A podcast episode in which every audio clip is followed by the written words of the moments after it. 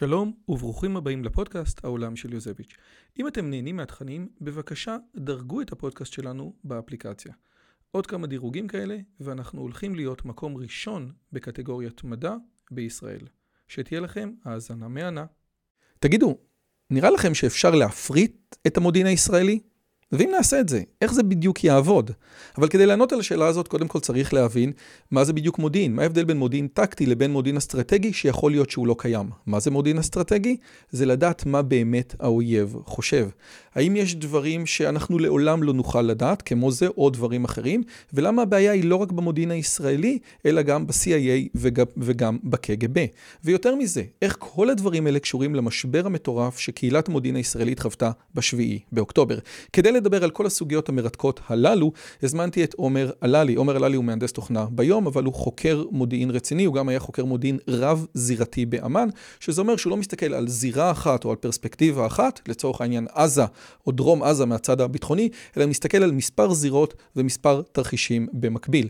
דיברנו על ההגדרה של מודיעין, על איך אפשר להפריט או לא אפשר להפריט את המודיעין, איך אנחנו כן יכולים להבין, גם אם אין לנו את כל הדאטה. בין היתר דיברנו על הספר תחזי על או תחזיות על, איך אנחנו מנבאים דברים, ואולי כל בן אדם יכול לנבא, ואולי באמת באיזשהו מקום אפשר להפריט באיזושהי צורה את המודיעין הישראלי. דיברנו על הקונספציות. מי שראה את השיחה שלי עם דוקטור עופר גרוסברד, שווה לו מאוד להסתכל גם כן על השיחה הזאת. אז זאת באמת הייתה שיחה מרתקת. לפני שאנחנו מתחילים, לי קוראים רועי יוזביץ', ברוכים הבאים לערוץ הזה. בערוץ הזה אני מנסה להביא את המוחות הגדולים ביותר בעולם לשיחות בנושאים שונים. אם זה פוליטיקה, אם זה פילוסופיה, אם זה... מדע, אם זה בינה מלאכותית, כל מיני שיחות מרתקות. מעניין אתכם מה אני עושה? אנחנו לא מדברים רק על פוליטיקה ומזרח תיכון, אנחנו מדברים על דברים מאוד מאוד מגוונים. כנסו לערוץ, תראו מה, מה אני עושה, שווה לכם מאוד. חוץ מזה, יש לנו קורסים בנושא של בינה מלאכותית, ויותר מזה בנושא של הצלחה בלימודים. ועכשיו, עומר עללי. עומר עללי, שבוע טוב, מה שלומך? בסדר, מצוין, מה שלומך אתה?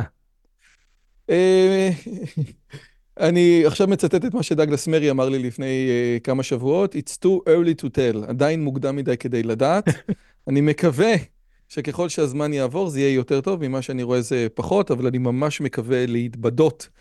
בכל אופן, השיחה, או הנושא של השיחה שלנו זה המודיעין ואמ"ן והכשלים במודיעין ואיך משיגים מודיעין ומה ההבדל בין מודיעין של עזה ומודיעין של לבנון ועוד כל מיני דברים, אבל אני חושב שלמען הסדר הטוב, אם תוכל בעצם להציג את עצמך, עופר גרוסברד היה פה אה, לפני שבוע וחצי, אז אתה בעצם גם עובד באמ"ן, אבל מהצד השני, זאת אומרת לא מהצד של הפסיכולוגיה, אז בוא תגיד, מאיפה אתה מגיע? מעולה. אז uh, אני לא עובד כרגע באמ"ן, אני לשעבר באמ"ן, uh, ובאמת אני הייתי חוקר מודיעין, uh, גם באמ"ן וגם במשרד ראש הממשלה, נישה כזאת מאוד מאוד uh, מיוחדת, שזכיתי אה, לעבוד בה, שמשלבת אה, שני גופים, והייתי חוקר מודיעין רב-זירתי. מה זה אומר? שאני נגעתי, אה, רוב חוקרי המודיעין מתעסקים בדרך כלל בזירה אחת, ובתוך הזירה גם במשהו מאוד מאוד ספציפי, לדוגמה, אם אתה מתעסק בזירת לבנון, אז יכול להיות שאתה תתעסק במדיני, יכול להיות שאתה תתעסק בחיזבאללה, זאת אומרת, יהיה לך איזשהו נושא בתוך הזירה שאתה תהיה אמון עליו, אז לשמחתי, אני נגעתי במספר זירות, אה, בין היתר גם בלבנון, גם בעזה, אה, מצרים, אה, וגם במרחב של נושאים. זאת אומרת, גם בנושאים מדיניים, גם בנושאים צבאיים ובנושאים אחרים, שאני פחות יכול לפרט עליהם בפודקאסט הזה, אבל באמת זה נתן לי איזושהי תמונת עולם ככה יותר רחבה ממה שיש לחוקר המודיעין, נקרא לזה הסטנדרטי. אני עשיתי בעיקרון קורס שנקרא עובד חקר מודיעין, זה קורס של כל, שכל חוקרי המודיעין עושים אותו. ואז uh, בסוף הקורס, לאחר כחודשיים בעצם, אז עוברים uh, התמיינות, בעצם כל אחד uh, מביאים לו איזשהו משוב שהוא מתבקש להגיד לאן הוא רוצה בעצם להגיע בתוך חיל המודיעין, ואז בהתחשב ברצונות שלו, בנוסף לשקלול של הציון שלו בקורס, הוא מתמיין לזירות השונות, זאת אומרת הוא יכול להגיע או לחטיבת המחקר, ושם יש שם זירות שונות, זירת עומק שזה איראן, לבנון, מצרים וכולי. וגם בפיקודים השונים יש מחקר, אה, מתחת לזה האוגדות זה כבר בזמני לפחות לא הגיעו לשם עובדי חקר מודיעין הגיעו לשם מתחומים אחרים. לשמחתי אה, נפתח בצורה מאוד מאוד אקראית צריך לומר איזשהו תקן אה, ביחידה מעניינת מאוד וזכיתי להגיע אליה ואז ככה זכיתי ל... להתעסק במספר זירות ובמספר תחומים של מודיעין. אז זה, זה מאיפה שאני מגיע. היום אני חוקר מודיעין אסטרטגי. אה, באופן עצמאי, אולי בהמשך אני אעשה את זה דרך אה, גופים אחרים, אה, ואני אסביר מה זה אומר בקצרה.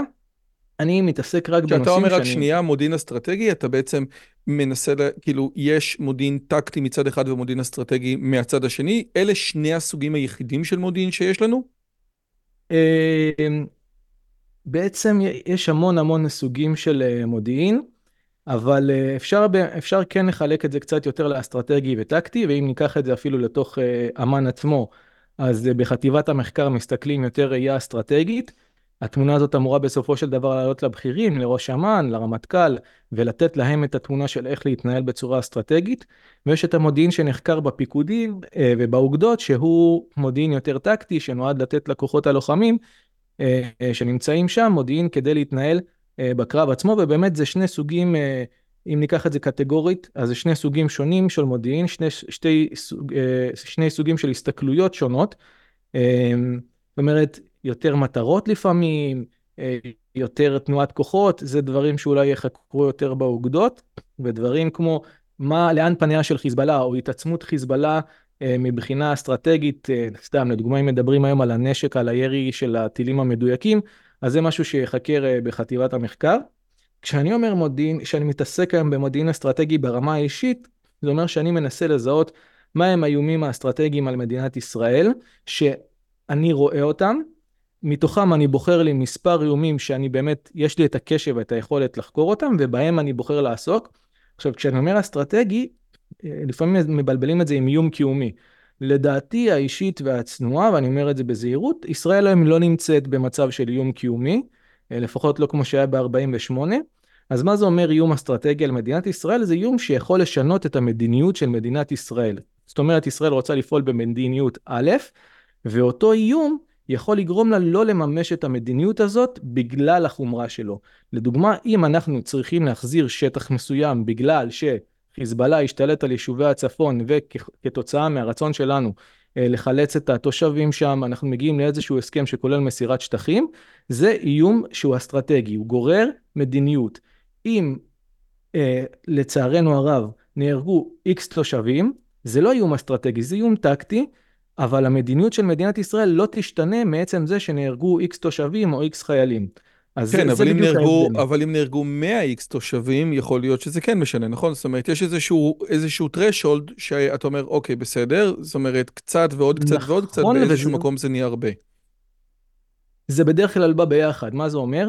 בדרך כלל נשק שיש לו אפשרות לעשות את ה-100X, כמו שאתה אומר, אז הוא בדרך כלל הוא מהווה איום אסטרטגי כזה, שהוא מראש מונע את מד... ממדינת ישראל לצאת, אה, לדוגמה, דוגמה למלחמה נגד אותה זירה, אם אנחנו מדברים לדוגמה על נשק גרעיני, אז נשק גרעיני הוא באופן כללי בעולם הוא נשק הרתעתי שיכול למנוע ממדינה אחת לפתוח במלחמה על מדינה אחרת, ולכן הוא איום אסטרטגי שאני כן, אם יהיה לי קשר אני אבחר להתעסק בו.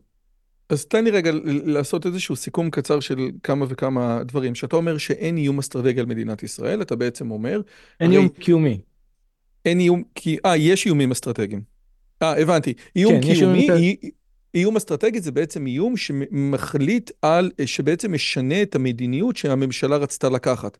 אוקיי? בדיוק, כן. הממשלה לצורך העניין, אם נופלת עכשיו פצצת גרעין בתל אביב, או אפילו לא בתל אביב, בבאר שבע, זה לא איום קיומי, כי זה באמת יהרוג הרבה מאוד אנשים, אבל זה לא ישמיד את כל מדינת ישראל, אבל הדבר הזה נכון. יחייב...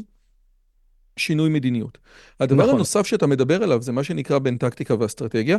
אני בבגרות לפני הרבה מאוד שנים, אחת השאלות היה יישובי חומה ומגדל מטקטיקה לאסטרטגיה, והמורה להיסטוריה אמרה שטקטיקה זה איך ואסטרטגיה זה למה. Uh, עכשיו, יכול להיות שזה כן ולא, אבל הנקודה היא שבעולם הפשוט שלי, זאת אומרת מודיעין טקטי זה האם יש בבית הזה מחבלים, או איפה בדיוק נמצא שקע של או, או, או, או, או מצלמות האבטחה בבית החולים האינדונזי, כן? זה מודיעין mm-hmm. טקטי, ומודיעין אסטרטגי זה בעצם מה באמת רוצה חמאס, או מה באמת רוצה חיזבאללה. אז, אז קודם כל, אתה יכול לתת לי דוגמה ל, ל, לשאלה שמודיעין אסטרטגי אה, אמור לתת עליה תשובה? אז כן, אז שאלת שאלה, השאלה ששאלת מה באמת רוצה חמאס, זה גם חלק מהשאלות שמודיעין אסטרטגי אה, נותן להם תשובה. לדעתי צריך לעסוק בזה פחות, כי זה, אני חושב שפעם יצא לך לדבר על זה, על אה, האם מודיעין של אה, כוונות הוא מודיעין שעוזר לנו, או מודיעין שלפעמים או יותר פוגע בנו. אה, אבל זה כן שאלה שהמודיעין האסטרטגי ייתן עליה תשובה, והוא גם, הראייה שלו שוב היא יותר רחבת היקף, מתעסק בפרויקטים שהם גם יותר גדולים, ולא רק בעניין של הכוונות, אלא גם, גם בעניין של היכולות, אבל פשוט יכולות שהן יותר בממד העל, בממד המקרו, והמיקרו, אה, אם אנחנו רוצים עכשיו לתת לאיזשהו גדוד אה, מודיעין על איך עכשיו לפשוט על בית מסוים או, או משהו כזה, זה כן, יש מודיעין שיושב באוגדה והוא כן. יתעסק לדוגמה יותר בלתת מפות ויותר לדקור דברים על השטח.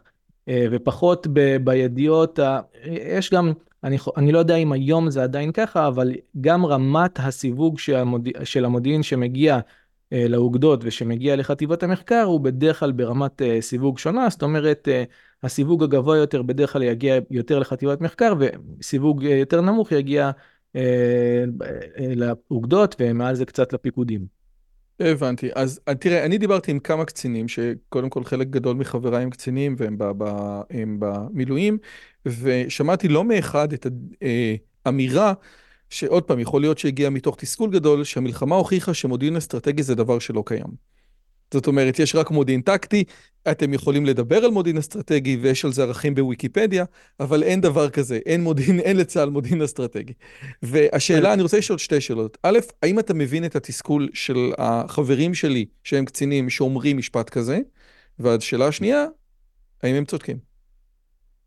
אני מבין מאוד את התסכול, אני גם מכיר הרבה חבר'ה שנמצאים אה, בשטח ואני משתדל מאוד לדבר איתם. אני אתן, אני, אני חושב שצריך לסייג את זה. זה לא שאין, מודיע, שאין מודיעין אסטרטגי, אלא שלישראל אין אסטרטגיה. זה שני דברים שונים. זאת אומרת, המודיעין הוא קיים, אבל לא נעשה בו שימוש.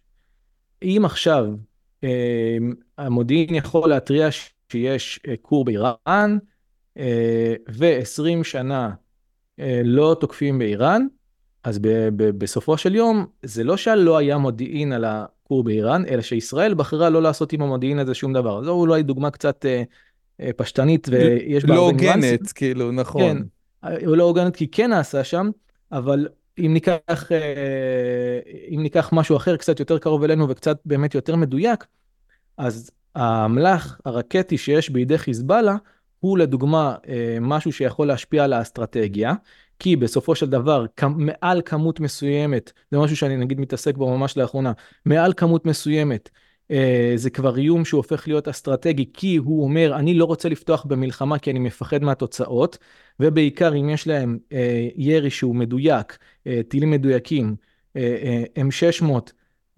שבעצם יכולים לפגוע בדיוק של אה, כמה מטרים או כמה, קצת יותר מכמה מטרים באתרים אגב, אני רק רוצה שנייה. רגע, אני, אני משתדל שלא להפריע, כי אני עובד על המידות, אבל אנחנו מקליטים בשישי לינואר, ווואלה, מפרסמים היום, כן, שחיזבאללה בשעות האחרונות עשה מטח גדול מאוד של טילים. שוב, זה מה שוואלה מפרסמים, כן? לא הבאתי את זה משום מקום אחר, לבסיס אה, אה, גדול מאוד של חיל אוויר.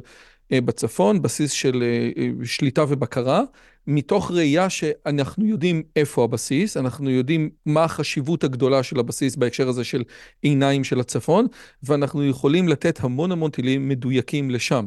עושה רושם שאם הם יכולים לעשות את זה על בסיס כזה, אולי גם יש להם את אותו דבר לעשות על מגדלי עזריאלי. או על הקריה כן, בתל אביב, או על whatever, ומחזיר אותנו לתוך הקונספט של איום שמכריח את המדינה לשנות את המדיניות שלה. אז זו דוגמה, נתת דוגמה ממש ממש טובה. למה? כי אם אנחנו מסתכלים עכשיו ספציפית על חיל האוויר וספציפית על ירי של אה, טילים מדויקים, אז אחד האיומים יכול להיות שבזמן בריק, אני יודע שמדבר על זה הרבה, שוב, יש פה ויכוח אה, בין גורמי המקצוע, האם זה נכון או לא, אה, זה, זה לא שזה רק בצה"ל, זה באופן כללי בעולם. אבל האם ירי מדויק יכול להשבית עכשיו אה, אה, מסלולים אה, של אה, המראה של חיל אוויר, שיגרמו לכך שבעצם בזמן המלחמה חיל אוויר לא יוכל להגיב ויהיה משותק. אז שוב, יש פה איזה, איזה מחקר שהוא לא רק צבאי, זה אפילו יותר מצבאי, נחקר גם באקדמיה לאורך שנים, אבל זה עניין של איום שהוא הופך להיות סוג של איום אסטרטגי. יש לך ירי שהוא מדויק, שיכול עכשיו לפגוע בחיל אוויר, ואתה, החיל האוויר שלך שעכשיו כל כך שמחת עליו, שילך ויתקוף וייתן מענה בלבנון, פתאום משותק לארבע, לא, אני לא אגיד לכמה ימים, אבל גם אם זה כמה שעות, ובכמה שעות האלה חיזבאללה יכול לשחרר מטחים אה, בלתי פוסקים על אה, כל, כל הטווח של מדינת ישראל, זה משהו שבסופו של דבר תהיה לו משמעות אה, אולי אסטרטגית. אה, אבל שנייה ולכן... רגע, אבל אתה הולך על כל מיני מקומות, על חיזבאללה שייתן טילים מדויקים שימנעו מחיל אוויר להגיע. לנו יש לא דוגמאות היפותטיות. בשביעי באוקטובר, במשך המון המון המון זמן, יש אנשים שנצורים בבתים שלהם והצבא לא מגיע, חיל אוויר בנקודות מסוימות מגיע, בנקודות מסוימות לא מגיע, אבל זה, אין שום צורך, סליחה שאני אומר, ללכת לנקודות היפותטיות, כן? ואז זה מחזיר אותי לשאלה ששאלתי מקודם. אותם קצינים מתוסכלים שאומרים, אין מודיעין אסטרטגי, ואתה אומר, תקשיב, יש מודיעין אסטרטגי, אבל אין אסטרטגיה. אבל עושה רושם שהם לא ידעו שזה קרה מתחת לאף שלהם. היה פה גיא אביעד שמדבר על זה ש, ש, שהחמאס עושה בדיוק עם הטנדרים של הטויוטה, אחד אחרי השני. כאילו, מישהו לא רצה לראות, ועושה רושם שהמישהו הזה, חלקו יושב באמ"ן. לפני שעומר הללי עונה על השאלה הבאה, בטח שמעתם על בינה מלאכותית, נכון? אולי גם אפשר להשתמש בבינה מלאכותית בתחום של המודיעין, ואתם רוצים להיכנס לתחום של בינה מלאכותית, אבל אתם לא באמת יודעים איך, אולי גם אין לכם רקע בתכנות. בדיוק בשביל זה יש לנו את הקורס בינה מלאכותית בשבילכם. אם אתם רוצים לדעת איך להיכנס לתוך העולם של בינה מלאכותית, זה בדיוק הקורס. איך עובדים מודלים של שפה, מה זה ChatGPT, מה זה קלוד, מה זה ברד, כל המילים הגדולות האלה, איך עובדים איתם ומקבלים דברים שאנחנו רוצים לקבל. איך אפשר להיעזר בנושאים האלה כדי לכתוב מאמרים, כדי לחפש מקורות, כדי להבין טוב יותר את מה שאנחנו רוצים לעשות. כל הדברים האלה בקורס מרתק של בינה מלאכותית, ואם אתם כבר פה ואתם סטודנטים ואתם רוצים ללמוד עוד דברים, בטח אתם מתלבטים לגבי האם אני יודע ללמוד כמו שצריך? האם יש לי את כל הכלים כדי ללמוד בצורה טובה? בדיוק בשביל זה יש לנו את הקורס הצלחה בלימודים, בשבילכם. הקורס הזה יעזור לכם להבין וללמוד טוב יותר בתור סטודנטים, בין אם אתם ב... במדעי המחשב, או במדעי מדויקים, או במדעי החברה. בעצם מדובר בשלושה קורסים, הצלחה בשיעורים, הצלחה במבחנים ויעילות ומוטיבציה, וגם כל הקורסים במחיר מעולה עבורכם. אם אתם רוצים עוד פרטים, אתם מוזמנים ללכת גם לתיאור הסרטון וגם לתגובה הראשונה. ועכשיו, התשובה של עומר הללי. אז קודם כל אה, מתפרסם גם אני, אני צריך עוד לברר את האמינות של המסמך הזה, אבל התפרסם גם אצל אה, איילה חסון וגם אצל אילנה דיין, את המסמך על אה, חומת יריחו, ששם אתה רואה באמת פירוט מאוד מאוד, מאוד ברמה מאוד גבוהה של האיום שהתרחש בשביעי לעשירי. זאת אומרת, המידע היה קיים. עכשיו, האם הוא, הסבירות, וזו השאלה, האם אנחנו חושבים שחמאס רוצה לבצע או לא רוצה לבצע, שזה כבר מודיעין כוונות, אה, זה משהו אחר. אבל אם אנחנו מדברים נטו על המודיעין היבש של מה קורה, אז המידע היה קיים, וגם אם הוא היה קיים ברמה קצת יותר פחותה, האיום האסטרטגי שעשוי להגיע מחמאס היה ידוע לכולם. זאת אומרת, עוד ב-2016 אה, אה, ליברמן מפרסם אה, מסמך אה, בוועדת חוץ וביטחון, שמדבר על האיום הזה. אתה יכול לראות גם כתבות ב-2021, באמצע 2021, שמדברות על כך שבשומר חומות חמאס לא השיג שום, אה, אה, שום הישג אסטרטגי, ולכן הדרך שלו בפעם הבאה תהיה פשיטה על אה, יישובי עוטף עזה. זאת אומרת, היה פה הבנה של מה האיום האסטרטגי, ומי שרצה לדעת מה האיום האסטרטגי מעזה, היה, ידע אותו. האם נעשה משהו? האם נעשתה איזושהי מתקפת מנע או אפילו אה, הרחבה של אה, השטח המפורז שבו אם נכנסים יורים וכולי, לא נעשה שום דבר מצד המדיניות. אני בספק אפילו אם יתכנס קבינט לדון בכלל על נושא עזה. אם אתה תראה, ב-2017 יוצא דוח, מבק... דוח מבקר המדינה על צוק איתן, ובעצם אומר שלפני 2014, שנה לפני, לא התכנס הקבינט לדון במשמעויות אסטרטגיות לגבי עזה. שנה שלמה לא מתכנס קבינט לדון במשמעויות אסטרטגיות, ולכן מה קורה? צה"ל הוא זה שקובע לעצמו את היעדים האסטרטגיים שלו, בגלל שאף אחד לא קובע לו. איך עובדת מדינה מתוקנת? במדינה מתוקנת אני ואתה בוחרים נציגים, הנציגים האלה חושבים על מדיניות, מגבשים מדיניות, מתוכה גוזרים אסטרטגיה, ואומרים לצה"ל, בהתאם לאסטרטגיה שקבענו, תבנה את הכוח שלך בצורה כזו וכזו, תביא לנו תוכניות אופרטיביות לכיבוש, או לא יודע מה, לדברים אחרים כאלה וכאלה, ומשם צה"ל גוזר את היעדים שלו. במדינת ישראל, ככה זה נראה, שלאורך השנים מי שקובע את היעדים של האסטרטגיה הוא צה"ל. ולכן בסופו של דבר יש מודיעין אסטרטגי, הוא לא, הוא, הוא, אה, מודיעין הכוונות, נשאיר אותו בצד, הוא לוקה בחסר מאוד, או אפילו לדעתי ברוב המקרים הוא גורע, הוא לא מוסיף, אבל המודיעין האסטרטגי ברמת היכולות קיים, לא נעשה איתו כלום. עכשיו, אם נזוז רגע למודיעין הטקטי, שם לדעתי עדיין יש פער משמעותי אה, בנוגע לתפיסה החדשה של צה"ל. אה, רגע, אז לפני התפיסה החדשה של צה"ל, אני רוצה עוד פעם, כי זה ממש חשוב לי. שאתה אומר במדינה מתוקנת, אה, הממשלה או הנציגים הנבחרים צריכים לייצר את האסטרטגיה ולהגיד לצבא ליישם אותה, הכל נכון.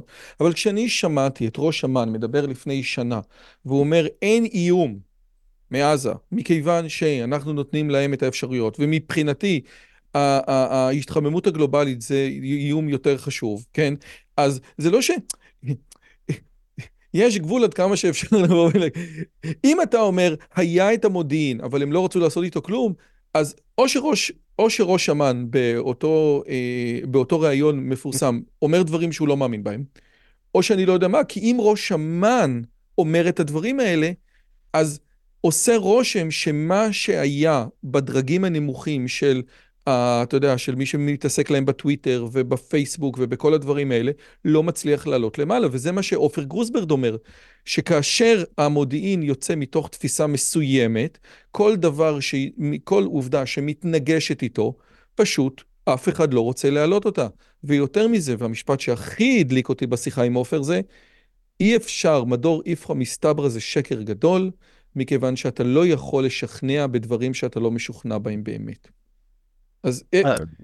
איך אני אמור להתייחס למה שאמרת כשאני שומע את ראש אמ"ן וכשאני שומע את עופר גרוסברד אומר, תקשיב טוב, זה לא עובר הלאה, זה לא עובר לפיקוד באמ"ן. אוקיי, אז שאלה טובה, ואני אחלק אותה, את התשובה אני אחלק לכמה חלקים. אז אה, אני קודם, אני אלך מהסוף להתחלה.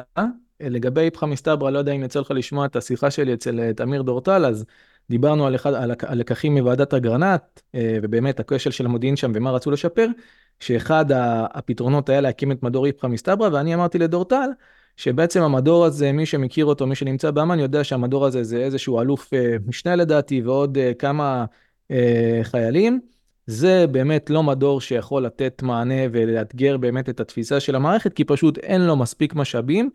במיוחד כמו שעופר קראת לו? עופר אה, עופר גרוסברג, נכון, כן. עופר גרוסברג, אה, הוא אומר נכון, בסופו של דבר אה, לא אוהבים גורם שנתפס כמאתגר את המערכת, אבל גם אם הוא היה, נת... גם אם הוא היה גורם אהוב, אפשר לקרוא לזה ככה, הכמות משאבים שיש לו היא כל כך נמוכה, זאת אומרת, תחשוב ש... שרק נושא אחד בזירה אחת זה קצין ומספר חיילים.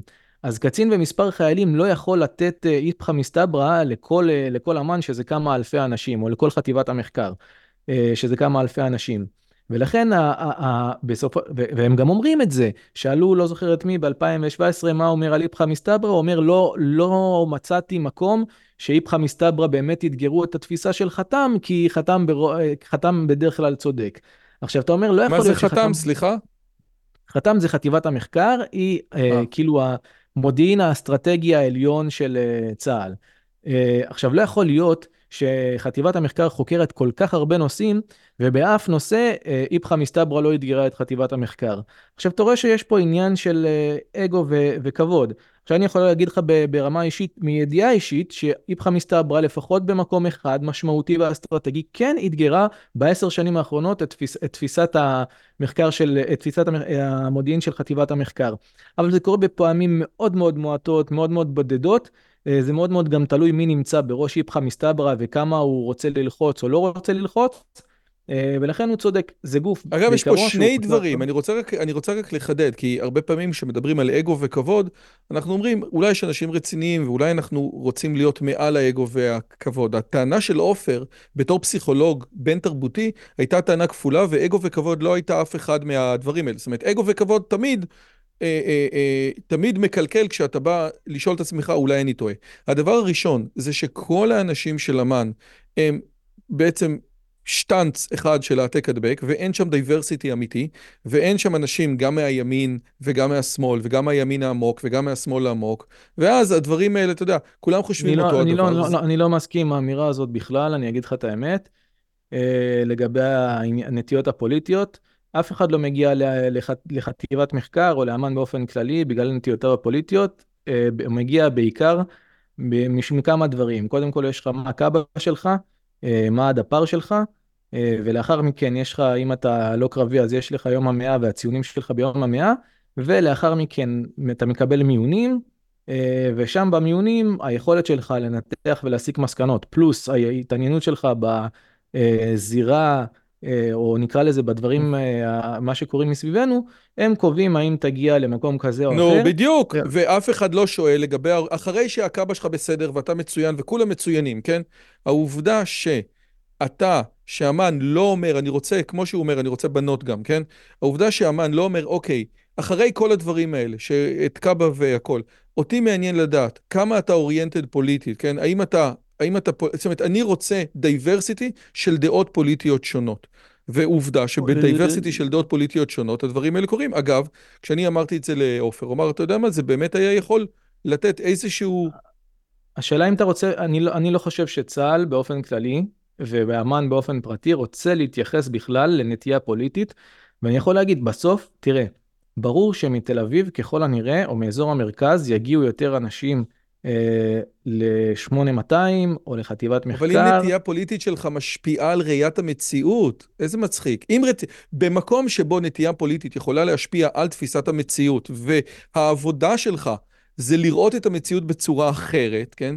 אם הדור איפכא מסתבר זה לראות את המציאות בצורה אחרת, ואתה יודע בצורה ברורה שנטייה פוליטית משפיעה על, נטייה, על, על ראיית המציאות של מה צריך לעשות בעזה, לא. האם לתת אותה עכשיו אני... לפלסטינים לא, או... אבל זה, זה, לא, זה, לא, זה לא תפקיד חוקר באמ"ן להגיד מה צריך לעשות בעזה, הוא צריך להגיד מה, הוא, מה המודיעין שנמצא בעזה ומה הוא חושב שיקרה. אתה לא יכול להכניס בצה"ל שום מקום של נטיות פוליטיות. אני יכול להגיד לך שהיו לי המון חברים בין מהימין ובין מהשמאל ובין מהימין העמוק, התנחלויות וכולי, שנמצאים בחטיבת מחקר בתפקידים מאוד מאוד משפיעים. אני יכול להגיד לך יותר מזה בנקודה הזאת, שאותי לא מעניינים מישהו מהימין ומהשמאל, ויש לי הרבה חברים אה, מהקצה הזה ומהקצה הזה, שמה שמלכד אותנו זה האגנוסטיקה, זה לא הדעה הפוליטית.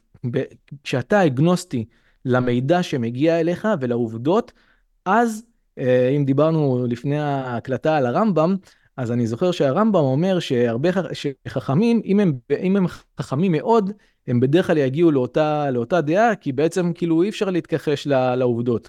אז אני יכול להגיד שבאמת בפועל אתה יכול לראות את זה קורה, שגם אנשים שנמצאים עמוק מאוד בשמאל הקיצוני ועמוק מאוד בימין הקיצוני, ברגע שהם אגנוסטים והם מגיעים עם איזושהי ענווה למציאות ולעובדות, ב-95% מהנושאים אנחנו מסכימים בגלל שאנחנו מסתכלים נטו על העובדות, ורוב הוויכוח היום, גם הפוליטי, אה, גם במודיעין, גם בצה"ל, זה ויכוח על העובדות, זה לא ויכוח על הדעות בכלל.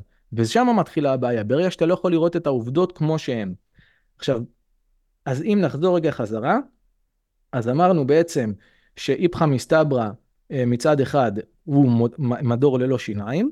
דבר שני, דיברת על, על הבכירים, אז בעצם כן, יש את המודיעין, בסופו של דבר יש את מה שהם, אני לא אוהב להשתמש במילה הזאת, את הקונספציה או את, או את אה, איך שהיום זה, זה מכונה ככה, אבל לכל אחד יש קונספציה, כן? לכל אחד יש איזושהי תפיסת עולם על כל נושא שבה הוא רוצה לדבוק והוא לא רוצה לשנות אותה.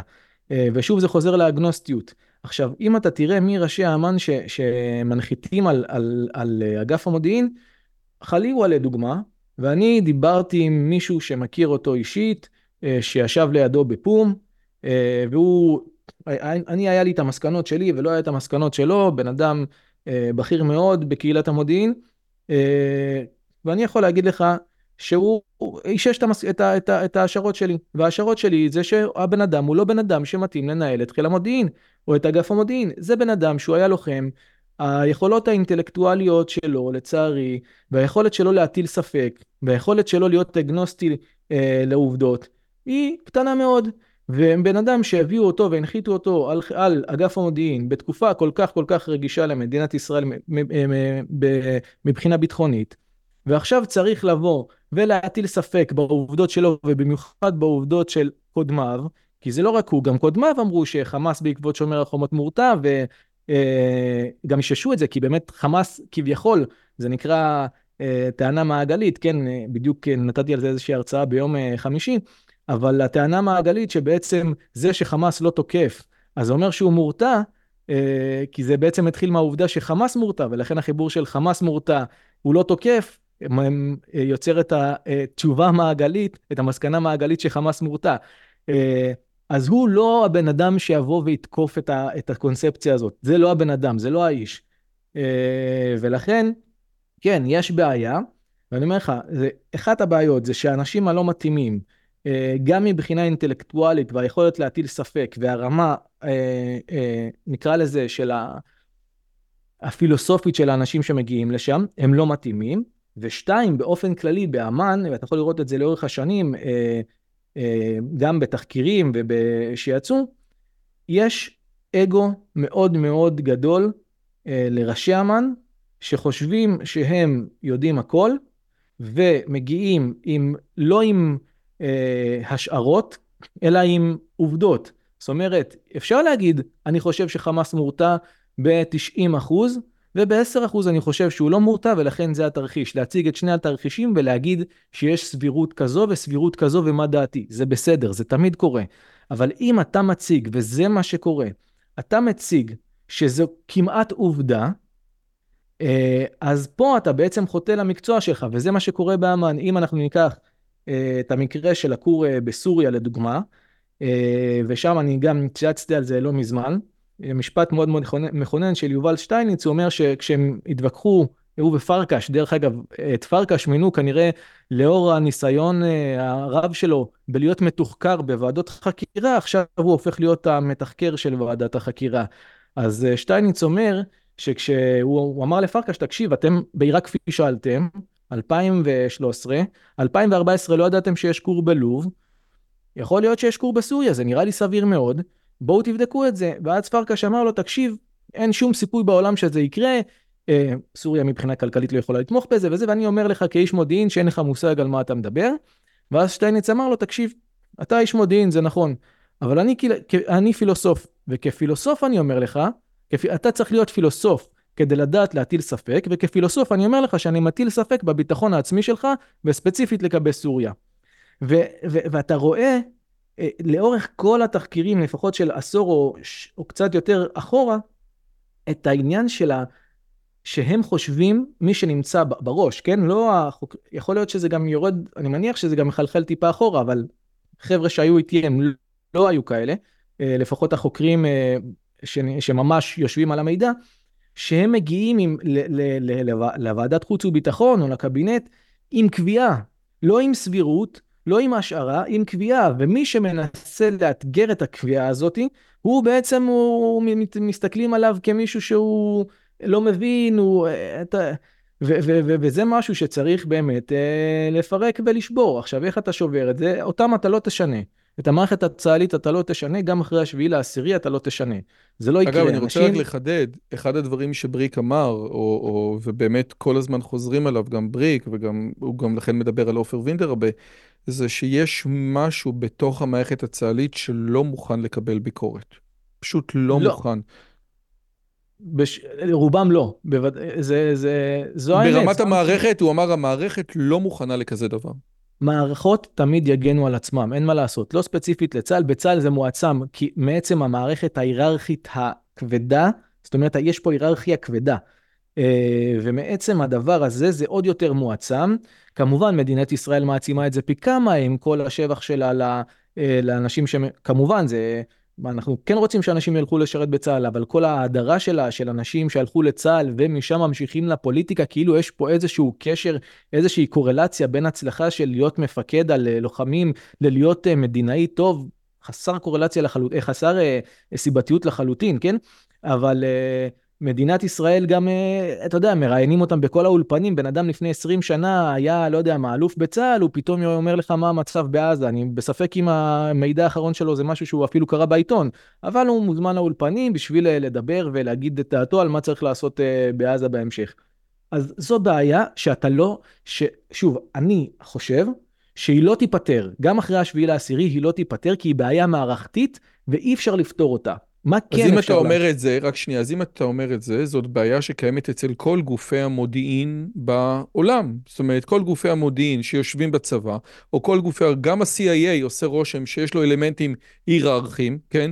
גם במוסד יש מדורים וענפים וחטיבה, אז, אז, אז, אז, אז נו, אז מה עושים? מה זה... קורה? למה הקג"ב כן מצליח? אז, אז, אז זהו, זו שאלה מעולה, ואני לא חושב שהקג"ב כן מצליח, וזו בדיוק התשובה.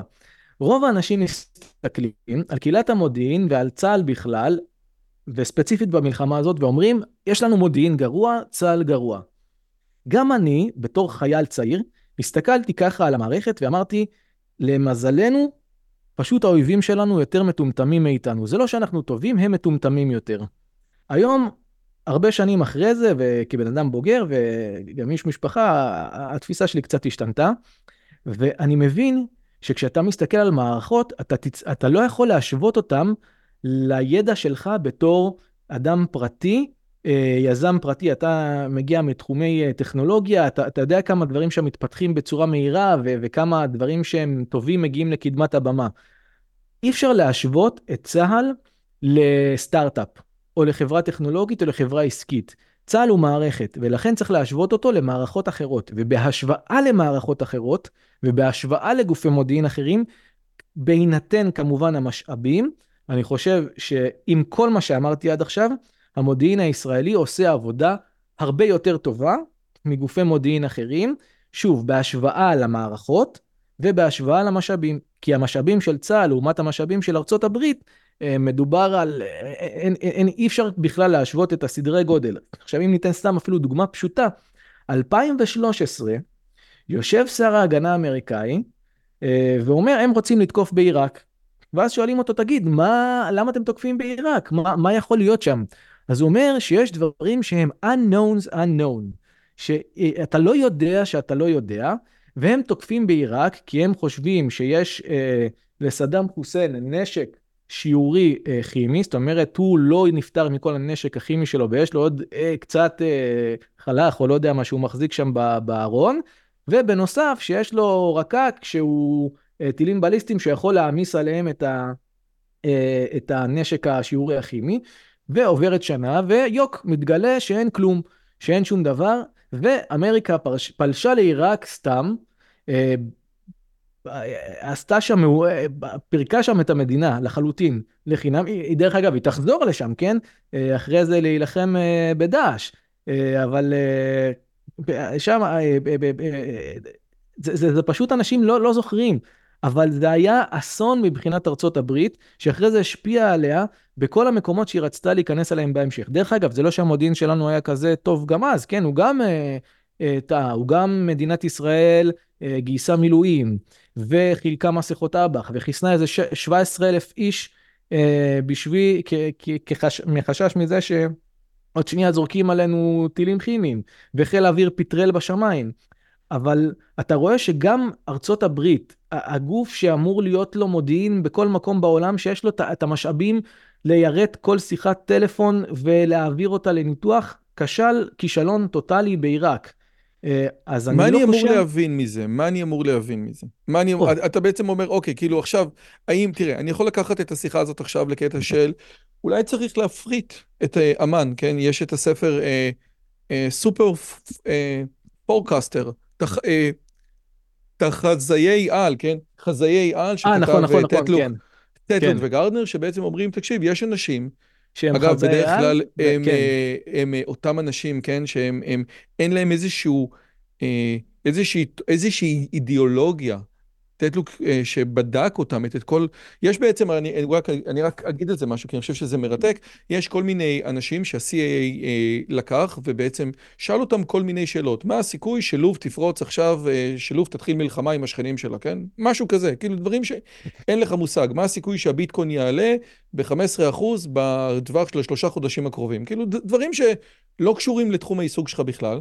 ויש אנשים שהם אה, רופאי שיניים והם אה, מורים וכל מיני דברים כאלה שנותנים תחזיות מאוד מאוד טובות, ובהרבה מקרים זה תחזיות יותר טובות ממה שהמומחים של ה-CIA נותנים. וגרדנר וטטלוק, שבעצם שני פסיכולוגים בדקו את החבר'ה האלה, איך יכול להיות שיש מישהו שאין לו גישה למשאבים ולידע של CIA, שהוא מקבל את כל הדברים שלו מוויקיפדיה, יכול להיות צודק הרבה יותר בנקודות מסוימות מארגון ביון ענק. וזה ספר מקסים, אבל אחד הדברים שהם אומרים זה שאותם אנשים שהם חזאי על, אין להם אג'נדה. הם לא אומרים, זה ככה חייב להיות. העולם, לצורך העניין, אג'נדה זה, העולם תמיד מתקדם בכיוון טוב יותר, כן? זה אג'נדה, ואז כל דבר אתה צריך לראות דרך הסיפור הזה. אומר, אין להם אג'נדה. כל דבר, כמו שאתה אמרת, אגנוסטים, אני לא יודע אם זה בדיוק אותו דבר, אבל הם רואים את המציאות בלי אג'נדה, ואז כל פעם הם לא מנסים לחופף את העובדות אה, את המציאות לאג'נדה שלהם, ואז יש להם יכולת הרבה יותר טובה.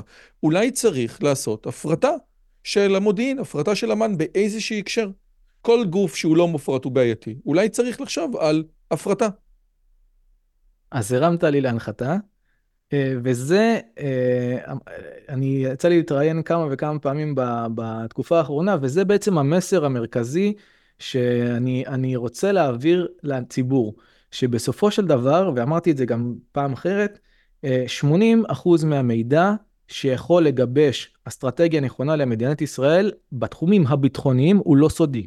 הוא נמצא בידי כולם, ולאף אחד אין מונופול על השכל, ולהסיק אה, מסקנות בצורה נכונה, כל אחד יכול, אם הוא, כמו שאמרת, אתה אומר אה, אין אג'נדה, אני קורא לזה אגנוסטי, אגנוסטי לעובדות, אה, מבין איך עובדים כללים לוגיים, ויכול להגיע ברוב המקרים למסקנות יותר נכונות. ולכן אני לא הייתי קורא לזה הפרטה, כי אי אפשר להפריט את צה"ל ואי אפשר להפריט את המודיעין.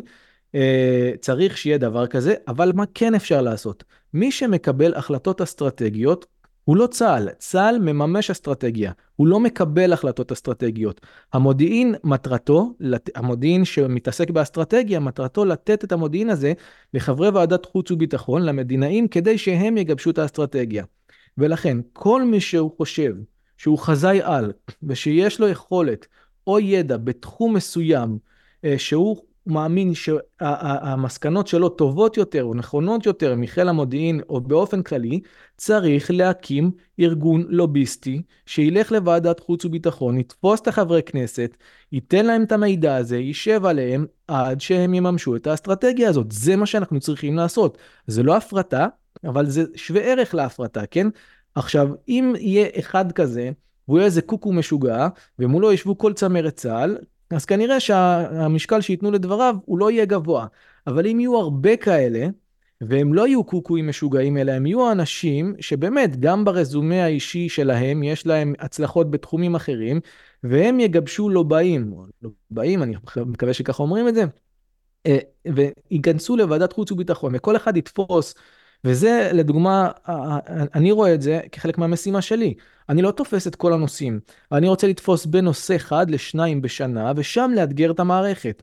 וזה מה שאני עושה עכשיו לדוגמה באסטרטגיה שלנו בלבנון. אני רוצה לאתגר את המערכת עכשיו לגבי האסטרטגיה שלה בלבנון, כי אני מאמין שהם טועים, ולכן אני חוקר את זה באופן עצמאי. לדוגמה, דיברנו על הירי, על, על האמל"ח של חיזבאללה, עכשיו אני מסיים מחקר על הרק"ק שנמצא בידי חיזבאללה, אבל מה הפוטנציאל הנזק שלו? זאת אומרת, אם עכשיו הם יורים עלינו... רק שנייה, המחקר שאתה מסיים, הוא, מגיע מתוך מקורות סודיים, או מתוך... לא. טוויטר ופייסבוק של, אה, של מי של תומכי חיזבאללה בלבנון. אוקיי, אז אני אגיד איך אני עובד, ואני, וכל אחד יכול לעשות את זה. יש הרבה מאוד גופי מחקר במדינת ישראל שמתעסקים במודיעין וביטחון, אם זה המכון למחקרי ביטחון לאומי, אם זה GISS, זה נקרא מכון אה, ירושלים. יש את אה, מכון דדו, אה, דדו לדעתי, לטרור ואסטרטגיה. יש את מכון עלמה שמתעסק ספציפית בצפון. יש עוד, ואני, ואני כרגע לא זוכר את שמם. הם יכולים לתת לכל אחד סקירות מודיעין מאוד מאוד רחבות, כמעט בכל נושא שהוא ירצה לגעת בו. עכשיו, אם אני עכשיו רוצה להתעסק בעניין של הירי הרקטי, אז מה אני עושה? אני הולך אליהם, לוקח כל אחד מה הוא כתב, כמה יש. זה מה שהם כותבים. ברגע שאני מבין כמה יש, עכשיו שוב, יש ביניהם פערים, ואז מה אני עושה? אני הולך, שואל אה, את, אה, לדוגמה, טל בארי מעלמה, על מה זה שאתה קבעת שיש עשרות ולא מאות, כמו ה-INSS, מתבסס. ואז אני הולך ושואל את ה-INSS, על מה המחקר שלכם מתבסס? מה הידיעות? אני יכול להגיד לך בשקט, שחלקם כן מתבססים על מידע סודי. כי חלק מהאנשים שם היו לשעברים וזה, אז אתה יודע, אז אתה הולך ואומר לך בחצי אוזן, שכן, שזה לא מאות, שזה עשרה. יש, יש שם, זאת אומרת, גם מידע סודי אתה יכול להשיג משם, שמספיק לך לגבש תפיסה, ואז אתה מגבש סדר גודל. ואחרי שאני גיבשתי מה הסדר גודל של כל סוג של ירי, של אה, אמל"ח רקטי כזה או אחר, מה אני עושה? אני הולך למומחים שהם אזרחיים לחלוטין, שהם מבינים בנושא הזה, ואומר להם, תקשיבו, זה הירי. הנה החישובים שאני עשיתי, לדוגמה על מה שקרה בלבנון השנייה, ומה הסיכוי לפגיעה, ומה הסיכוי לנזק, וכמה מבנים ייפגעו, וכמה אזרחים ייפגעו. אני עושה לזה היוון. האם ההיוון שלי נכון? כן או לא? בואו נשווה את זה. אפשר להשוות את זה למה שקרה בהפצצה בלונדון, אפשר, שגרמניה הפציצה את לונדון, ואז אתה משווה. עכשיו, כל המידע שאני מדבר איתך זה מידע שהוא נמצא אצל כל אחד.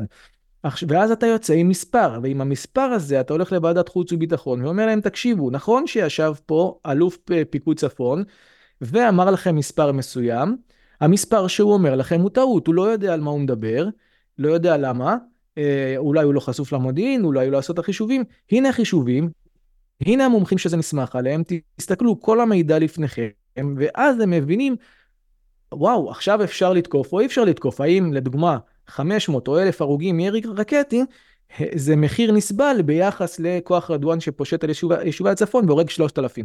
ואז מציגים להם את התמונה. עכשיו זה יכול להיעשות כמעט בכל נושא, כן? אבל, גם... במי, אבל מישהו, אבל, אבל מי שעושה את זה, למשל אתה, אם אתה עושה את זה, אתה מדבר על עבודה כזאת משמעותית, מי, מי הגוף המממן? אף אחד.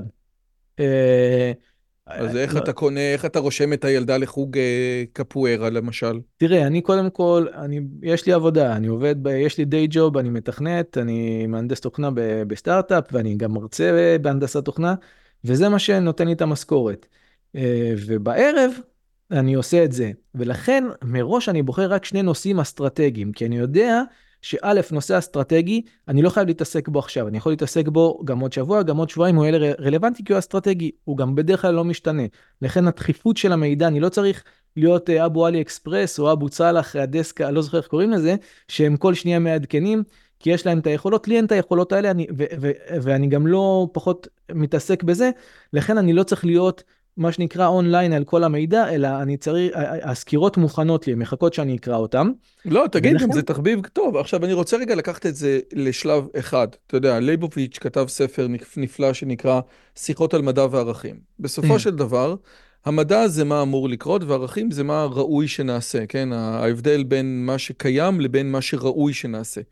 יכול להיות שהאלוף, כן, אומר שלפי דעתו כמות ההרוגים מירי רקטי מחיזבאללה תהיה X, ועומר עללי שהגיע אה, ממקום אחר עם נתונים אחרים, אולי, לא רוצה להגיד, אולי עם ראייה פוליטית אחרת, שלמרות שהוא אומר שהיא לא משנה לו, אולי היא כן משנה לו, בתת מודע אנחנו לא יודעים, אומר שזה לא יהיה X, זה יהיה 7X. אבל גם מ-X וגם מ-7X, עדיין אי אפשר לגזור בצורה לוגית, וזה מילת הקסם פה, את מה ראוי לעשות. נכון. מה השני סנט שלך על הגזירה הלוגית של מה ראוי בהינתן מה קיים? תראה, אני קודם כל אה, משתדל לשים בפני מי שאני מדבר איתו תמיד, בין אם זה העוקבים שלי בטוויטר ובין אם זה אנשים שאני מייעץ להם, את העובדות היבשות, בלי האג'נדה שלי. אומרת, הנה העובדות היבשות, תעשו עם זה מה שאתם רוצים. עכשיו, יש פה 500 ופה 1,500, נראה לי הגיוני ש-1,500 יותר גדול מ-500, כן? אבל uh, זה, זו דעתי. ואז אני אומר מה דעתי, מה ראוי לעשות. עכשיו, כשאני אומר מה דעתי, בנושאים האלה, אני משתדל שדעתי היא תהיה ביטחונית נטו. זאת אומרת, מה ייטיב עם ביטחון ישראל. גם אם יש לי איזשהו רצון או איזושהי אג'נדה על ארץ ישראל השלמה, או להפך, או על אה, הכיבוש שמשחית, זה אני, מש... עוד פעם, אני לא אה, אדם אה, שהוא נפרד מאנושיותו, כן? אז כנראה שבאיזשהו מקום זה כן יהיה מושפע, אבל אני משתדל לפחות ברמה המודעת, שתפיסתי הערכית לא תשפיע על תפיסתי הביטחונית. זאת אומרת, אני אומר את, את מה שאני אומר לאנשים ברמה הביטחונית, מה ייטיב עם ביטחון ישראל. אה, אם ישאלו אותי לדעתי הערכית, אני גם יכול להגיד אותה, אבל בדרך כלל לא שואלים אותי אה, לדעתי הערכית, ולכן אני, אני לא אומר אותה. אגב, אחד הדברים, ודיברתי עם דן שפטן, כן, שאנשים ששואלים על ביטחון ישראל, ואז הוא אומר, תקשיב טוב, נושא ההתנחלויות זה נושא שמכרסם בחברה הישראלית, ולאורך הזמן הדבר הזה פוגע בביטחון ישראל. אז הנה, לכאורה יש לי פה אמירה על ביטחון ישראל, אבל האמירה הזאת היא מושפעת מתוך אמירה שהיא ערכית. עכשיו, זאת היא סתם דוגמה שקופצת אצלי עכשיו לראש, אבל אני מניח שהרבה פעמים הדברים האלה כן קורים, אתה מבין? זאת אומרת... החלוקה הזאת, אם אתה אומר מה ישפיע על ביטחון ישראל בחודשיים וחצי הקרובים, זה דבר אחד. אבל שוב, הרבה אנשים מביאים את ההתנחלויות כפקטור שפוגע בביטחון ישראל בקטע של למסמס את הלכידות של החברה. מה אז, אז על זה, תגיד? לא, אז אני, אז אני אומר, צריך להפריד בין הרמה המודעת לבין הרמה הלא מודעת. אם אתה עושה את זה, סליחה, בצורה לא מודעת, זאת אומרת, אתה אומר את דעתך להתנחלויות כביטחוניסט, וחושב שזה ימסמס, כי בתת מודע יושב לך איזשהו משהו שמתנגד למתנחלים וכולי, זה עם זה אין מה לעשות, גם לי וגם לאחרים. על מה שאתה מדבר, אני חושב, ואני לא רוצה לשפוט אף אחד, אבל זו דעתי כצופה מהצד, כמתבונן, שברוב המקרים זה נמצא ברמה המודעת. זאת אומרת, הם יודעים שמה שהם אומרים כתפיסה ביטחונית, נובע מתפיסתם הערכית, והם לא אומרים לך את זה. ואני משתדל, ולא רק בנושא הביטחוני, אלא כמעט בכל נושא, זה, זה קצת יומרנות, אבל אני, אני כן חושב שמי שמכיר אותי יודע, ולכן, שוב, יש לי אנשים, אה, חברים מאוד טובים משני הקצוות הפוליטיים, שאם אני אגיד לו את דעתי, אני אגיד לו בצורה ישרה האם זה נובע מעמדתי הערכית או שזה נובע מראייה ביטחונית. שוב, אם יש השפעה שהיא לא מודעת, זה לא בשליטתי. אבל ברמה המודעת, אני אשתדל להיות ניטרלי כמה שאני יכול, בשביל שהוא יוכל לגבש את תפיסתו הביטחונית על סמך ערכיו, על בסיס הידע, ולא על, לא, על, לא לפברק את העובדות בשביל אה, לקבל אה, איזושהי עמדה ערכית כזאת או אחרת. יאללה, אני רוצה להגיע לנושא האחרון שרציתי להגיע אליו היום, וזה מה שקורה בלבנון. אני חושב, או אני לא מבין, ודיברתי אה, בשבת עם חבר שחזר מהמילואים, הוא, הוא, הוא רב סרן, הוא מ"פ בצנחנים ויושב בעזה, ושאלתי אותו, האם, האם הוא יודע מה הצבא רוצה לעשות? הוא אמר לי לא. אני לא יודע מה הצבא רוצה לעשות, אני לא מבין את התוכנית האסטרטגית של הצבא בעזה, ועושה רושם שבעזה המצב עוד הרבה יותר פשוט מחיזבאללה. אני רק רוצה לחדד שאנחנו כבר עוד מעט, מחר, אנחנו 90 יום, שלושה חודשים, ובמלחמת יום כיפור, אחרי 19 יום, אנחנו כבר הגענו, לא יודע מה, 70 קילומטר או 100 קילומטר כבר מדמשק, ועושה רושם שבעזה אנחנו עוד לא, עוד לא שמה, ובחיזבאללה המצב עוד יותר קשה.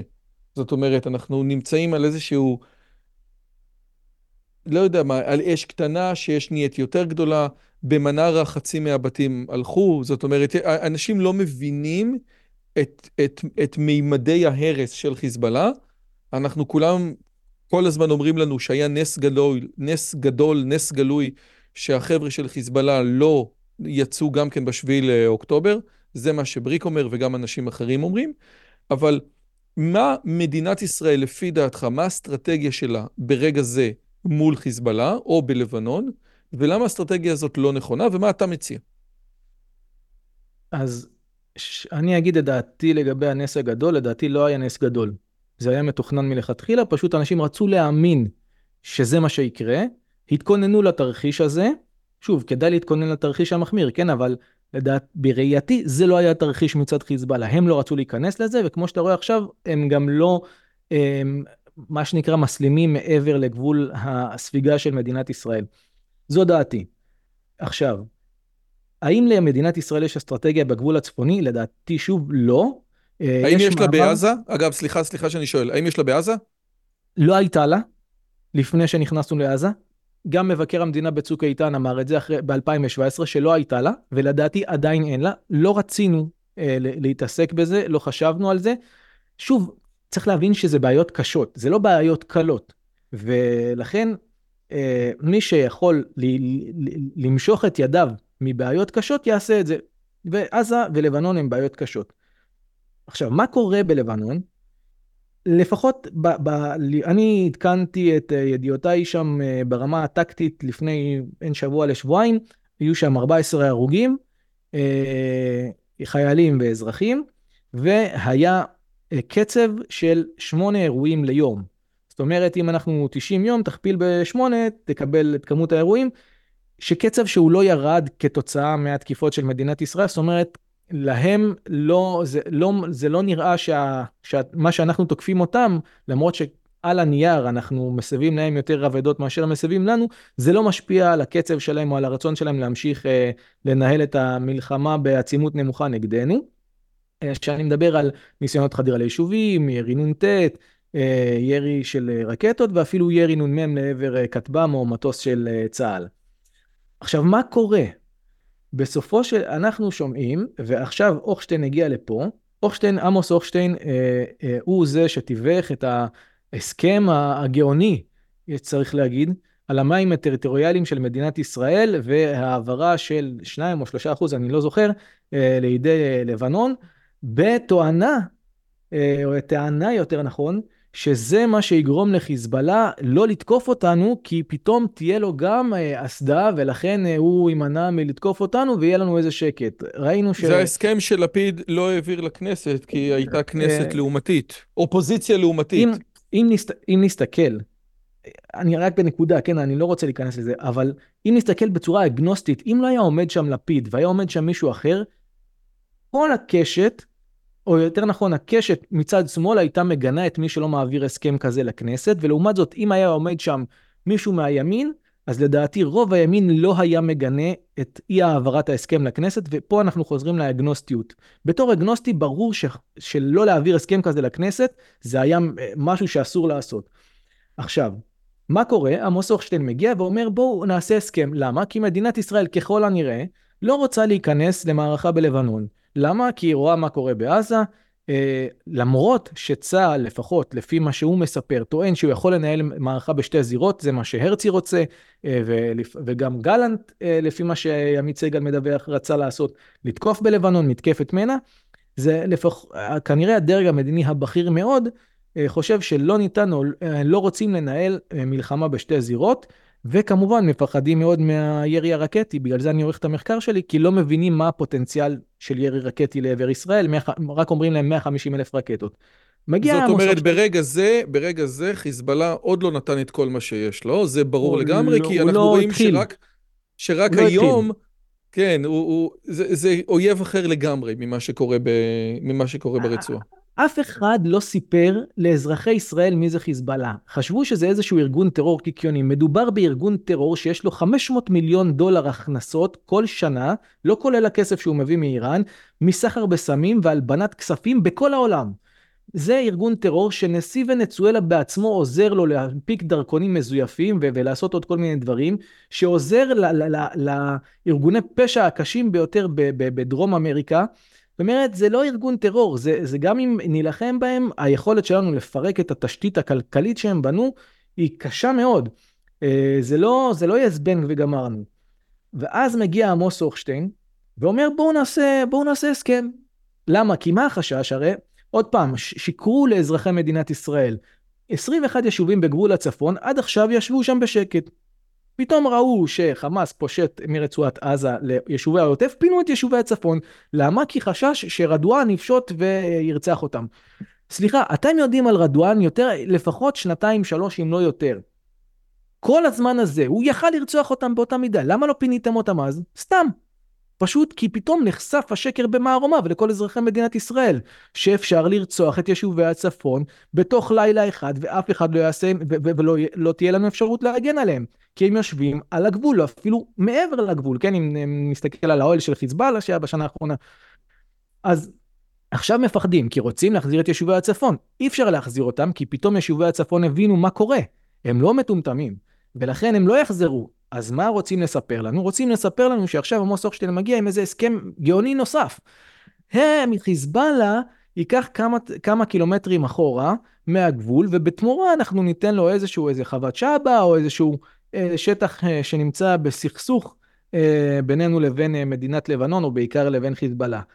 ואז עוד פעם, אנחנו ניתן שטח בתמורה לשקט, שזה כל הסכמי השלום של מדינת ישראל לאורך השנים, שטח בתמורה לשקט. הסכם אה, מבחינה... אה, אם אתה מסתכל על הפילוסופית לחלוטין, זה, זה מטומטם לחלוטין. כי אם אתה נותן שטח בתמורה לשקט, אז האינטרס הוא בסופו של דבר להפר את השקט כדי לקבל עוד שטח. אה, ועכשיו יישובי הצפון יושבים במלונות ולא יודעים את זה, או לפחות חלקם לא יודעים את זה. עכשיו חלקם כן יודעים את זה, ואני משתדל לעזור להם אה, להביא את המידע הזה לבכירים. זאת אבל... אומרת, ברגע זה יש איזשהו רעיון לעשות הסכם עם חיזבאללה, ששטח יעזור לו לכאורה, כאשר אחד הדברים שהבנו לגבי חמאס זה שהמנטליות האסלאמית, יותר מכל דבר אחר, זה לא שכסף מעניין אותה, אלא יותר מכל דבר אחר מעניין אותה להרוג יהודים. ועדיין, 90 יום לתוך המלחמה, אומרים, תקשיב, אנחנו תכלס, אין לנו בעצם שום דבר שאנחנו יכולים לעשות עם חיזבאללה. מבחינה צבאית, המדינה לא, לא סומכת על הצבא, זה מה שאני מבין ממך. זאת אומרת, בוודאי שלא סומכת תוך כדי שהוא נלחם בעזה ולא יודע מה קורה שם, ולכן הדרך הטובה ביותר מבחינתנו היא לייצר איזשהו הסכם שניתן להם כסף או שטח, ואז הכל יהיה בסדר. בדיוק. עכשיו, מה, מה, מה, למה מלבד ההיבט, מה שאמרתי, הפילוסופי שיש פה של, יש להם אינטרס להפר את השקט, והוא גם הופר לפני השנייה, כן, היה לנו הרי הסכם איתם, וההסכם הזה הופר. למה זה בלוף? כי חיזבאללה גר ביישובים שצמודים לגבול, המשפחות שלו נמצאות שם, אין שום אפשרות לפקח על האם הם הולכים לפשוט עלינו או לא, זה, זה פשוט בלוף, זה לשקר לתושבי הצפון בפנים. אף אחד לא יוכל לפקח על זה, אין שום אפשרות טקטית לפקח בצורה הרמטית על חיזבאללה ש, ש, ש, שזז אחורה. זה, זה, זה, זה נטו מראית עין בשביל להחזיר את תושבי הצפון כדי לעשות שקט למדינאים. ואני פרסתי בטוויטר מה אני חושב שצריך לעשות, ואני שמח שיש עוד אנשים שחושבים שצריך לעשות את זה, שזה להציב אה, למדינת לבנון, לא לחיזבאללה, כי בסופו של דבר הבעיה שלנו היא עם מדינת לבנון, לא עם חיזבאללה. חיזבאללה הוא ארגון טרור שיושב בממשלת לבנון ושולט ברוב המושבים אה, בפרלמנט הלבנוני. אה, לא הוא עצמו, אבל הגוש אה, שלו, שולט ברוב המושבים בפרלמנט. זאת אומרת, זה, זה לא, אין פה מלחמה מול, מול חיזבאללה, אלא ממשלת לבנון צריכה לקחת את האחריות על זה. להציב לממשל, לממשלת לבנון אולטימטום, או שאתם מממשים לפחות את הסעיף בהסכם של 1701 שדורש שכל השטח מהקו הכחול עד הליטני יהיה מפורז, ובעצם להשיג את חיזבאללה ואת כל האמל"ח שלו אחורה, או שאנחנו פשוט פותחים במבצע צבאי וכובשים עד הליטני, ותלוי, ל... ל... אפשר, יש לזה עוד שלבים, זאת אומרת על החלת ריבונות שם או לא החלת ריבונות, אבל לפחות כבישה ושימור המרחב הזה כמרחב הביטחון של ישראל, אה, בשביל לתת ליישובי הצפון את היכולת באמת להיות מוגנים בצורה אמיתית. רגע, אבל לי יש שאלה, אה, לי יש שאלה, אם לו יצויר שהוא הולך אחורה עד הליטני, הרי הטילים שלו הם טילים ארוכי טווח. למה מעולה. באמת, למה באמת הדבר הזה, הרי עוד פעם, לו יצויר שאם מדובר על רקטות או על קסאמים כמו שפעם, שיישובי גוש קטיף בעצם מנעו טילים על אשקלון, סבבה. אבל היום זה לא עובד. יש לו טילים מאוד מאוד ארוכים, שגם אם הוא נמצא מאחורי הליטני, הוא יכול להגיע לתל אביב, או בוודאי לחיפה. אז ש... למה זה כזה משנה? שאלה מאוד מאוד טובה, שהיא מתחלקת לשתיים. קודם כל, בראייתי, האיום האסטרטגי על מדינת ישראל זה הפשיטה של כוח רדואן ליישובי הגליל והכיבוש של השטח. בראייתי הנזק, גם ברמת ההרג של אנשים וגם ברמת המדיניות, זאת אומרת מה ישראל תצטרך לעשות בהינתן והתרחיש הזה מתממש, הוא הרבה יותר גדול מהנזק של הירי הרקטי. ולכן להוריד את מגדלי שאתה... עזריאלי, להוריד את מגדלי עזריאלי זה פחות מבחינתך נזק אסטרטגי מאשר פשיטה ליישובי הצפון? כן, כי מלהוריד את מגדלי עזריאלי אפשר להתגונן, וזה יהיה איזשהו נזק תודעתי, ונזק תודעתי זה תלוי מאוד במי מנהיג את המדינה. ואם יהיה לך מישהו כמו זלנסקי, הוא יכול לקחת את אה, הורדת מגדלי עזריאלי כמנוף לחץ על הציבור הישראלי להשלים ולכבוש גם את שאר השטח. ובסופו של דבר הנזק פה יהיה נזק כלכלי מועט ונזק תודעתי שהוא תלוי במנהיג. לא נזק שהוא יגרור, יגרור אותנו אה, לוותר על איזה שהם נכסים אסטרטגיים שלנו, בין אם שטח ובין אם דברים אחרים, או להפסקת לחימה או, ל, או למשהו אחר. עכשיו, זה רק ברמה של האיום אחד מול השני, וברגע שאתה מנטרל את האיום הגדול, אז אתה נשאר עם האיום הקטן, לדעתי זה עדיף. שתיים, זה מה שלא מספרים לאזרחים. קודם כל 50% מכל ה-150 אלף רקטות של חיזבאללה זה רקטות קצרות טווח שמגיעות רק ליישובי הצפון, לגבול יישובי הצפון. זאת אומרת, ברגע שאתה כבשת עד הליטניה, אתה ניטרלת את האיום הזה. האיום הזה כבר לא איום משמעותי על יישובי הצפון, ואז הגנת עליהם בפעם השנייה. עוד 30-40 אחוז זה ירי שמגיע עד, עד קו חיפה, שזה בעצם ברגע שהשגת אותם, אז בעצם הרחקת את הירי מחיפה. אתה צמצמת את הטווח של הירי. רק בין חמישה לעשרה אחוז מהאמל"ח של חיזבאללה, זה אמל"ח שיכול להגיע לתל אביב. וזה עניין משמעותי, זאת אומרת, אתה מנטרל פה בעניין, בצורה של כיבוש את רוב הירי הרקטי של חיזבאללה, רק מזה שהשגת את קו הגבול קדימה. עכשיו, יותר מזה, ברגע שאתה פותח במבצע מול חיזבאללה, אתה לא אומר אני תוקף רק בדרום לבנון, נכון? אתה תלך תתקוף מטרות, מטרות עומק בבקעה, נכון? אז אתה תתקוף גם את המשגרים הארוכי הטווח כחלק מאותו מבצע. עכשיו, משגרים של ירי שיכול להגיע לתל אביב, זה משגרים שאפשר לזהות אותם, כי הם הרבה יותר גדולים, הם לא ניידים, ואפשר, יותר קל לחיל אוויר לתקוף אותם, יש לנו גם הרבה יותר מודיעין עליהם, ולכן מבצע כזה יכול לנטרל גם, לדעתי, משהו כמו 30-40 אחוז מהירי הארוך טווח. זאת אומרת, המבצע הזה יעזור לנו בצורה משמעותית, מלבד זה שאנחנו ננטרל את האיום של הפשיטה, אנחנו כנראה ננטרל ב-95% את הירי הרקטי של חיזבאללה. ולכן זה משהו שבהסתכלות, נקרא לזה ההסתכלות הכלכלית, הוא מבצע שמשתלם למדינת ישראל. למדינאי ספציפי אולי הוא לא משתלם, אבל למדינת, למדינת ישראל, לאזרחי ישראל, בטווח הארוך, בטווח האסטרטגי, הוא בוודאי משתלם. עכשיו, מה האסטרטגיה אה, יש עכשיו יצא איזה תוכניות על אה, הכור אה, באיראן, נראה לי המקור או משהו כזה, שתי תוכניות. ואתה שם לב לאסטרטגיה הזאת חוזרת גם פה וגם אצל לבנון, שזה איזשהו כאילו נבואה המגשימה את עצמה. אומרים לא כדאי לתקוף בלבנון, כי יש להם ירי רקטי שיכול להסב לנו נזק, או לא כדאי לתקוף באיראן כי ככה וככה, עד שמגיעים לאיזשהו סף שמעבר לו כבר באמת אי אפשר לתקוף שם. זאת אומרת, באיראן אומרים עכשיו אי אפשר לתקוף, כי באמת זה לא ישפיע. כי יש 14 אתרים, וכבר הכמות אה, אה, אורניום שיש שם, לא משנה, תתקוף, אז, אז הם תוך שנייה חוזרים אה, לאותו מצב, וכמות צנטריפוגות וכולי.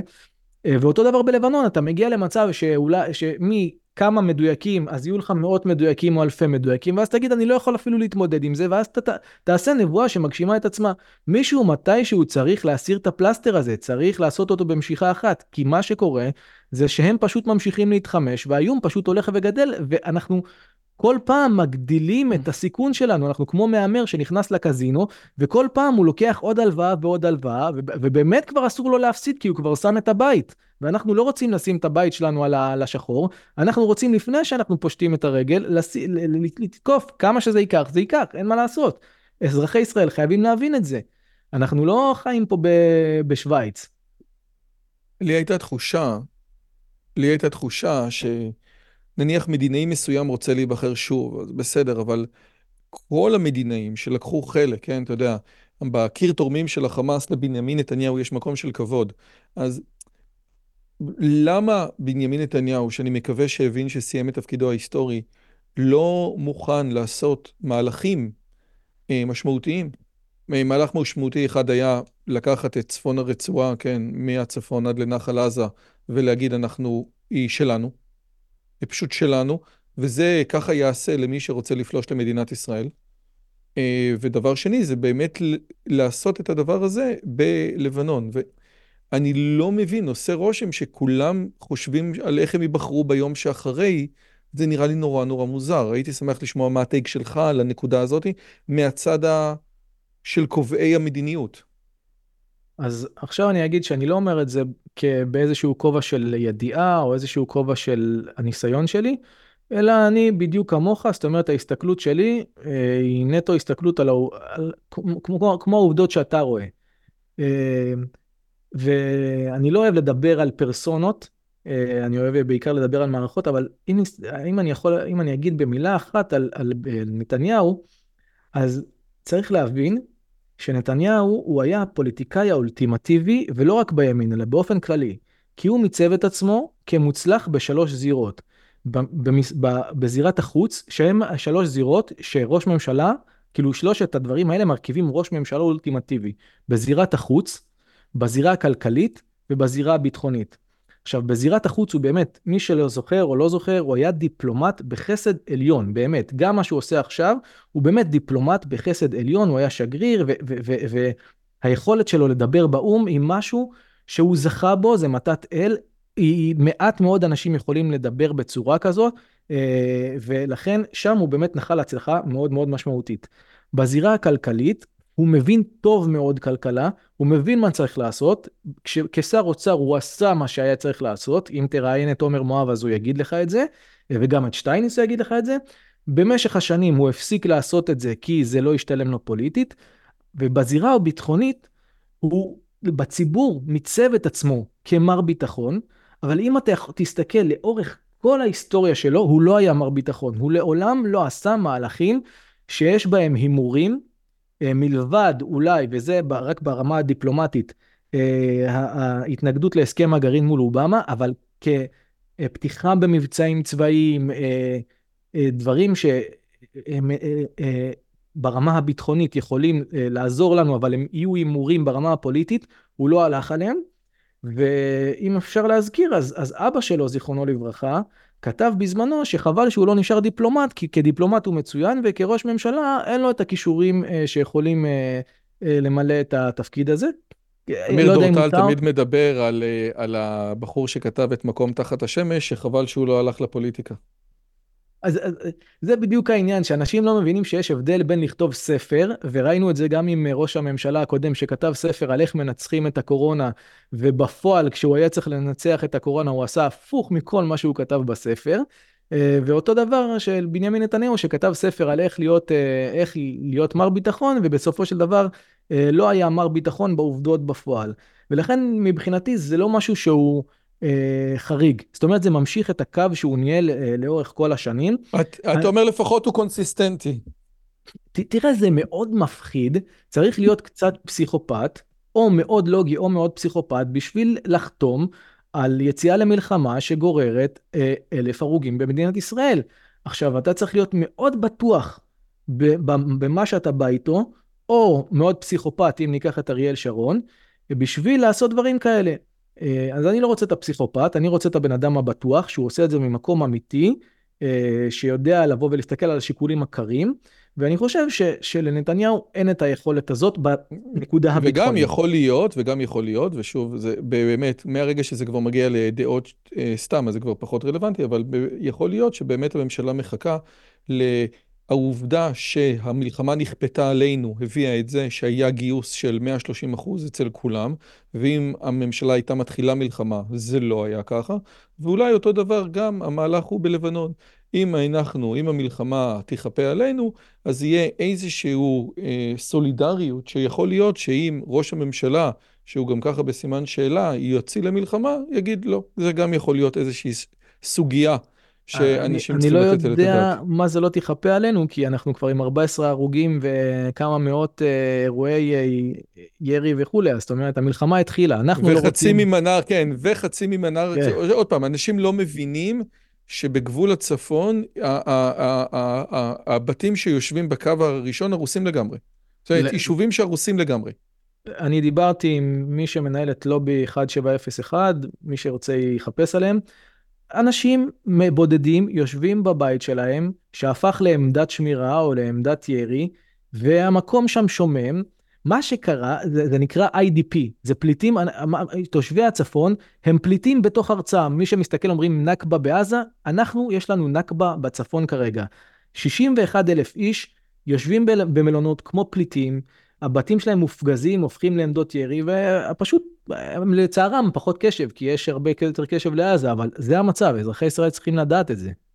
מטורף. עומר עלה לי, אה, כמו שחשבתי, שיחה לא כיפית, אבל, אה, אבל, אין, אבל אין לנו ברירה. אתה יכול ל, לתת לי ספר למי ששמע את מה שדיברנו ורוצה לקחת וללמוד קצת יותר על הנושא של המודיעין ועל הזירות הבין, אה, או, או הרב-מערכתי. יש איזשהו ספר, יש כמובן את הפייסבוק שלך ואת הטוויטר שלך, אבל מעבר לזה, יש ספר שהיית ממליץ עליו כדי... לקחת ולדעת יותר על הנושאים שדיברנו עליהם?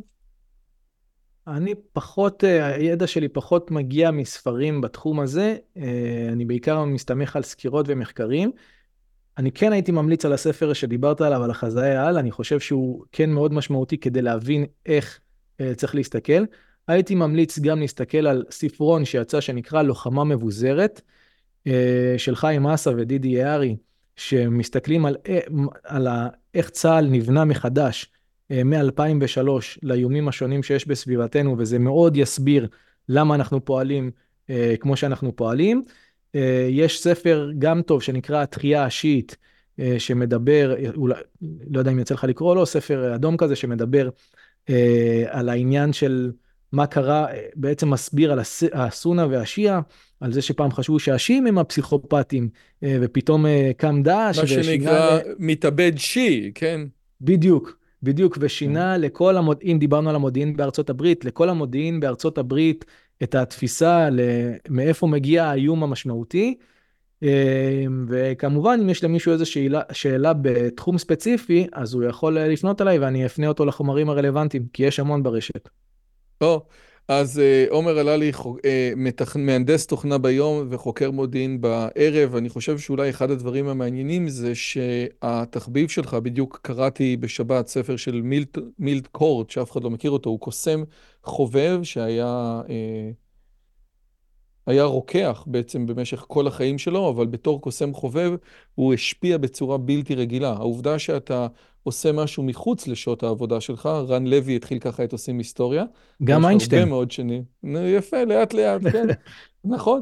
אז הנקודה הזאת היא נקודה משמעותית מאוד, ואם מעניין אתכם הדברים האלה ואתם רוצים לדעת ולחקור, יש, אני מניח, ובוודאי שאחרי המלחמה אולי יהיו כל מיני אינפרסטרקצ'רים שמאפשרים לאנשים שהדברים האלה בנפשם, ל... לקדם את העניין. עומר הללי, תודה רבה על הזמן שלך, היה מרתק. תודה לך. אם הגעתם עד לפה זה אומר שממש ממש נהניתם. אז שוב, אם אתם רוצים לדעת יותר, אתם מוזמנים גם לפייסבוק של עומר וגם לטוויטר של עומר. אם אתם רוצים לדעת יותר מה אני עושה, וזה לא רק נושאים שקשורים לביטחון ולמלחמה, כנסו לערוץ היוטיוב שלי. יש לי שיחות עם החוקרים המרתקים ביותר בעולם, גם בעברית וגם באנגלית, גם מהארץ וגם בחו"ל, בכל כך הרבה נושאים שונים. מלחמה וביטחון ופוליטיקה זה חלק, אבל זה חלק קטן יחסית לדברים שמתעסק, שמבחינתי הם הרבה יותר מרתקים, כגון פילוסופיה ומדע ותיאולוגיה ובינה מלאכותית ואינטליגנציה. אם אתם רוצים לעזור לנו או לתרום לנו, אתם יכולים לעשות את זה גם דרך הסופר תנק יו וגם דרך הפטריון, ואתם יכולים גם לקנות את הספרים. יש לנו את הספר הצלחה בלימודים, יש לנו שני קורסים, גם קורס הצלחה בלימודים וגם קורס בינה מלאכותית, ויש לנו עוד דברים כאלה ואחרים. אז הנה, אלה ארבעת הספרים שיש לי, אז אלה הדברים שאתם יכולים לעשות.